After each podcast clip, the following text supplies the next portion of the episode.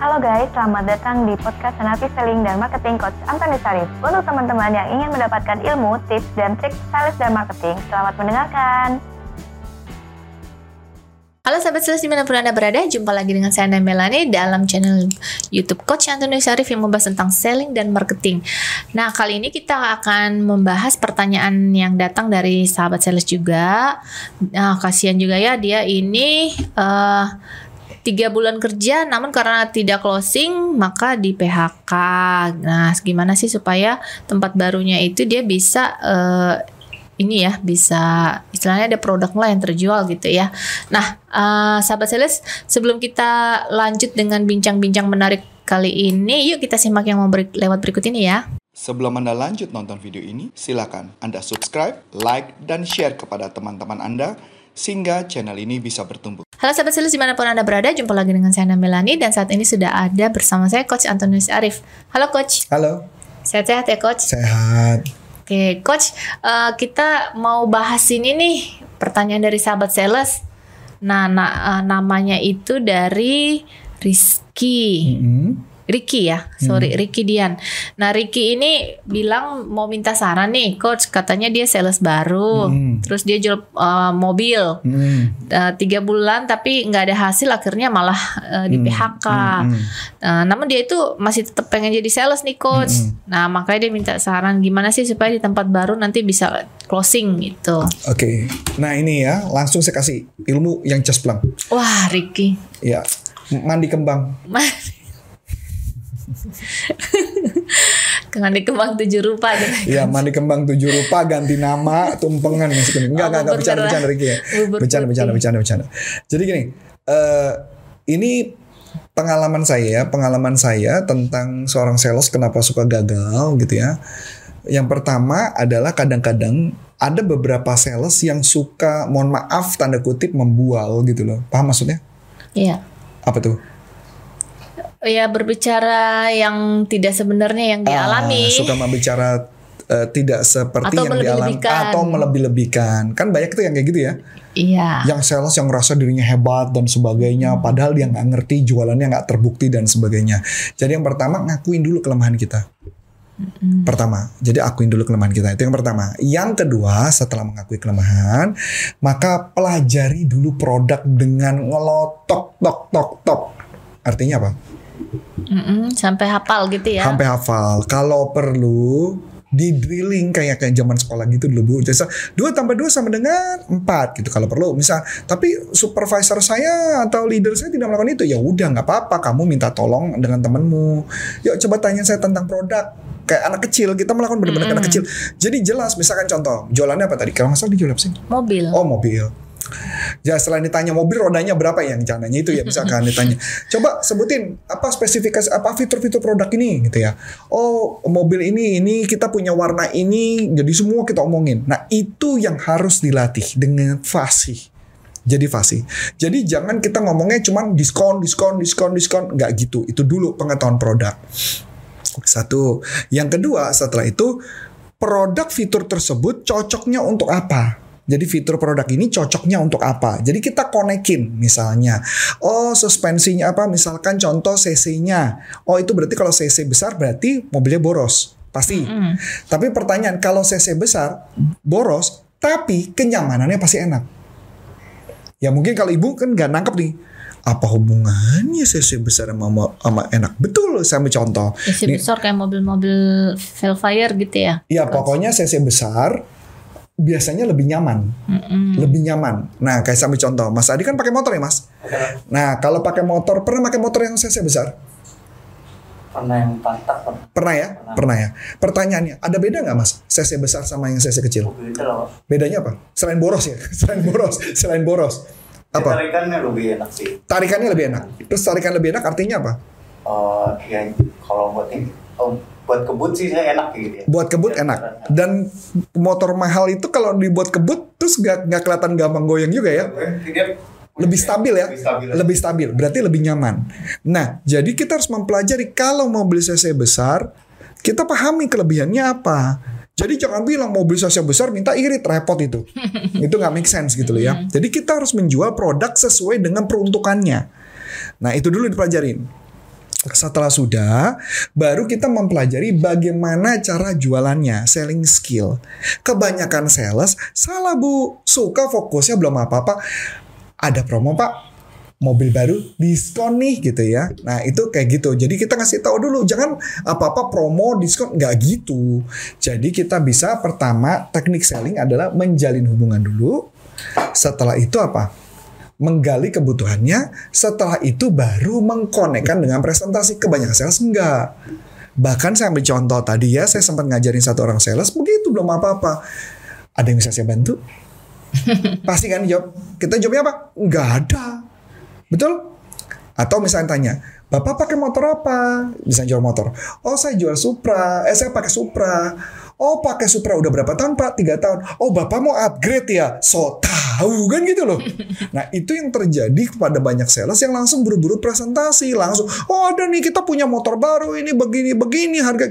Itu tidak menjawab pertanyaan karena dia langsung presentasi. Maka kegagalan orang jualan adalah kebanyakan langsung presentasi. Tadi udah berapa? Dua atau tiga? Eh, pertama menjalin hubungan, Kedua, kemudian menggali kebutuhannya. tiga presentasi ya. Presentasi. Nah, yang nah jadi kalau mama ketika presentasi juga yang paling menarik adalah saya temukan para sales suka tidak mendengarkan. Orangnya komentar apa, dia main bypass aja yang penting teknik menggali kebut. Langsung dia hajar langsung pakai teknik handling objection. Padahal nggak begitu gitu loh. Jadi kita harus gali dulu, pahami, dengarkan customer ngomong apa. Kebanyakan kegagalan sales di sana sih, Bu. Nah, sama berikutnya, kalau jualan mobil, mungkin bisa jadi canvassing, jumlah canvassingnya kurang. Jumlah kunjungannya kurang. Jadi buat saya, kalau kita punya mindset, aduh nih masa covid nih, kayaknya nggak mungkin ada yang beli. Ya udah pasti nggak bakal closing lah. Sudah pasti gagal di awal. Karena mindset menjadi bagian yang penting pertama ketika jualan. Itu dulu Bu. Berarti mindset dulu gitu ya coach, baru menjalin hubungan. Yang penting mindsetnya udah benar Mindsetnya dulu, benar gitu, dulu. baru skillnya. Ah, ah, di luar masalah memang lagi masa covid, apakah customer ada yang beli? Ada, tetap ada. Pertanyaannya kita punya belief nggak bahwa produk itu bisa kita bisa jualan? Kalau kita punya belief itu maka everything akan it's gonna be alright, it's gonna be easy, it's more easy ketika jualan. Hmm. Gitu. Oke oke. Hmm. Berarti eh, Ricky, saudara Ricky ini sahabat sales nih bisa ya di Hmm. tempat baru. Eh, Selain memang perlu belajar di pelatihan saya salesuniversity.id gitu ya. Oke. Ah, ah. Oke, Cuman oke. memang idealnya adalah balik dulu kita dulu yang benar dulu. mindsetnya ini dia tetap mau jadi sales loh coach. Itu bagusnya sih. Ah, ah. Itu bagusnya sih. Kalau dia mau Jadi jadi dia tetap iya, dia sales ya. meskipun dia di PHK tiga bulan dia nggak berhasil closing di PHK, eh, sahabat kita ini tetap dia mau jadi sales. Iya. Gitu. Berarti mindsetnya udah ada dong coach. Bukan mindsetnya, mentalnya. Oh mentalnya, Mentalnya, ya. Mindsetnya beda ya. belum. Mental dan mindset. Mental tuh keberaniannya. Kalau mindset itu adalah dia bisa closing apa enggak. Coba Hmm. coba cek jujur ya Ricky, kamu coba cek. Ada nggak keraguan bahwa customer itu mau beli? Ada nggak keraguan bahwa nggak bisa jualan di masa ini? Kalau punya keraguan itu maka kamu nggak akan bisa jualan. Hmm, Keraguan itu hilangin dulu deh. nah, Kalau keraguan itu bisa dihilangkan maka akan lebih mudah sih jualan.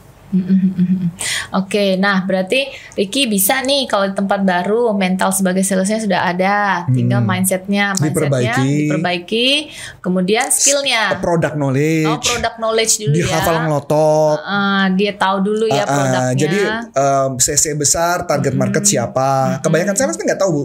ya berarti seperti seorang konsultan mobil ya. Betul. Jadi kayak gini. Kadang-kadang gini, ada orang jual mobil ratusan juta atau 700 500 juta ke atas, tapi dia ngotot jualan kepada orang yang budgetnya nggak ada sebesar itu. Budgetnya misalkan mobil murah, tapi dia ngotot dia mau jualannya mobil mahal. Ya kagak bisa. Ya kan banyak ya ibu pernah nemuin gitu kan. Dia Iya. bilang, "Kan kita harus bisa closing sama customer siapa pun." Itu ajaran dari mana gitu ya? Harus bisa closing sama sales customer. Nggak bisa. Kita closing bisa dipaksa, tapi apakah sama sama nggak dengan kita menipu? Mm-mm. Iya dong, kita paksa-paksain orang. Misal Padahal Adi, bukan gitu ya. Iya, Adi nggak bisa beli mobil, belum bisa beli mobil, kita paksa. Adi lu beli mobil, kita paksa, bisa. Abis itu bulan dua nggak bayar dia. Mm-mm. Kenapa? Karena kita memaksakan kehendak yang di mana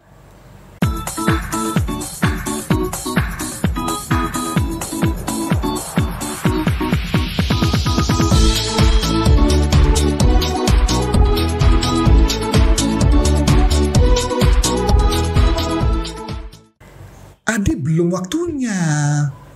Beda ya kecuali dia rumahnya tanahnya ternyata di Pertamina ada minyak nah dia beli mobil itu bermasuk akal. Oh yang kayak lagi viral ya. Yang lagi viral itu. Jadi maksud saya balik lagi target marketnya kalau target marketnya salah ya nggak bisa. Jadi jangan dipaksain karena saya nemuin kan ada tuh tadi sales yang ngomong gini, wah kita jual aja sama si ini. Saya tanya emang duitnya ada. Ya tapi dia butuh pak. Ya duitnya ada apa enggak? Itu yang disebut namanya BANT. Jadi ada budget. Apakah orangnya pas? Dia butuh apa enggak? Time. Semua orang juga butuh mobil mewah. Tapi pertanyaan budgetnya ada enggak? Ya Ya. kalau nggak ada budget ya jangan dipaksain. Kalau sedangkan kita kan pernah dapat satu customer ya bu waktu itu inget ya. Customer yang ngotot ya. Kita harus bisa jualan sama semua customer siapa pun. Saya cuma nanya, ada total database ada berapa pak?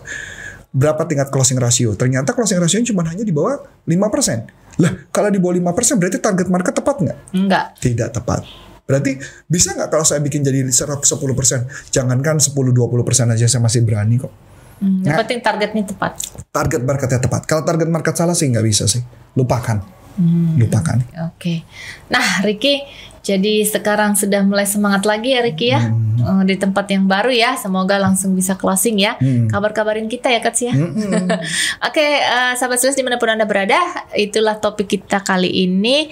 Kalau masih ada pertanyaan seputar topik kita kali ini, boleh langsung dilayangkan ke eh, channel YouTube kami ini. Dan eh, yang mau ikut pelatihannya di mana Coach Arif? di salesuniversity.id di sana ada pelatihan tentang selling. Dan jangan lupa juga bisa lihat di Corpora Consulting. Kebetulan kita lagi ada pelatihan-pelatihan tentang selling.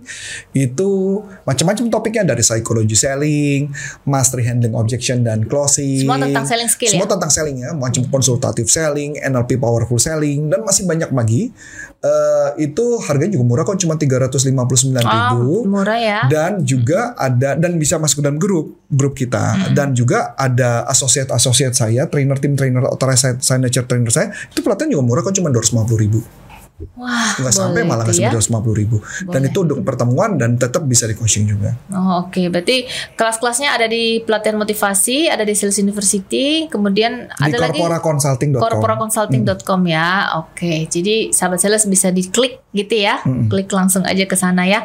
Oke, eh, Coach Arif sampai di sini dulu bincang-bincang kita dengan saya Melani. dan saya coach Antonio Sirip mengucapkan terima kasih sukses buat anda dan sampai jumpa salam performan bye bye Nah, untuk teman-teman yang sudah menerangkan, terima kasih ya dan nantikan podcast selanjutnya.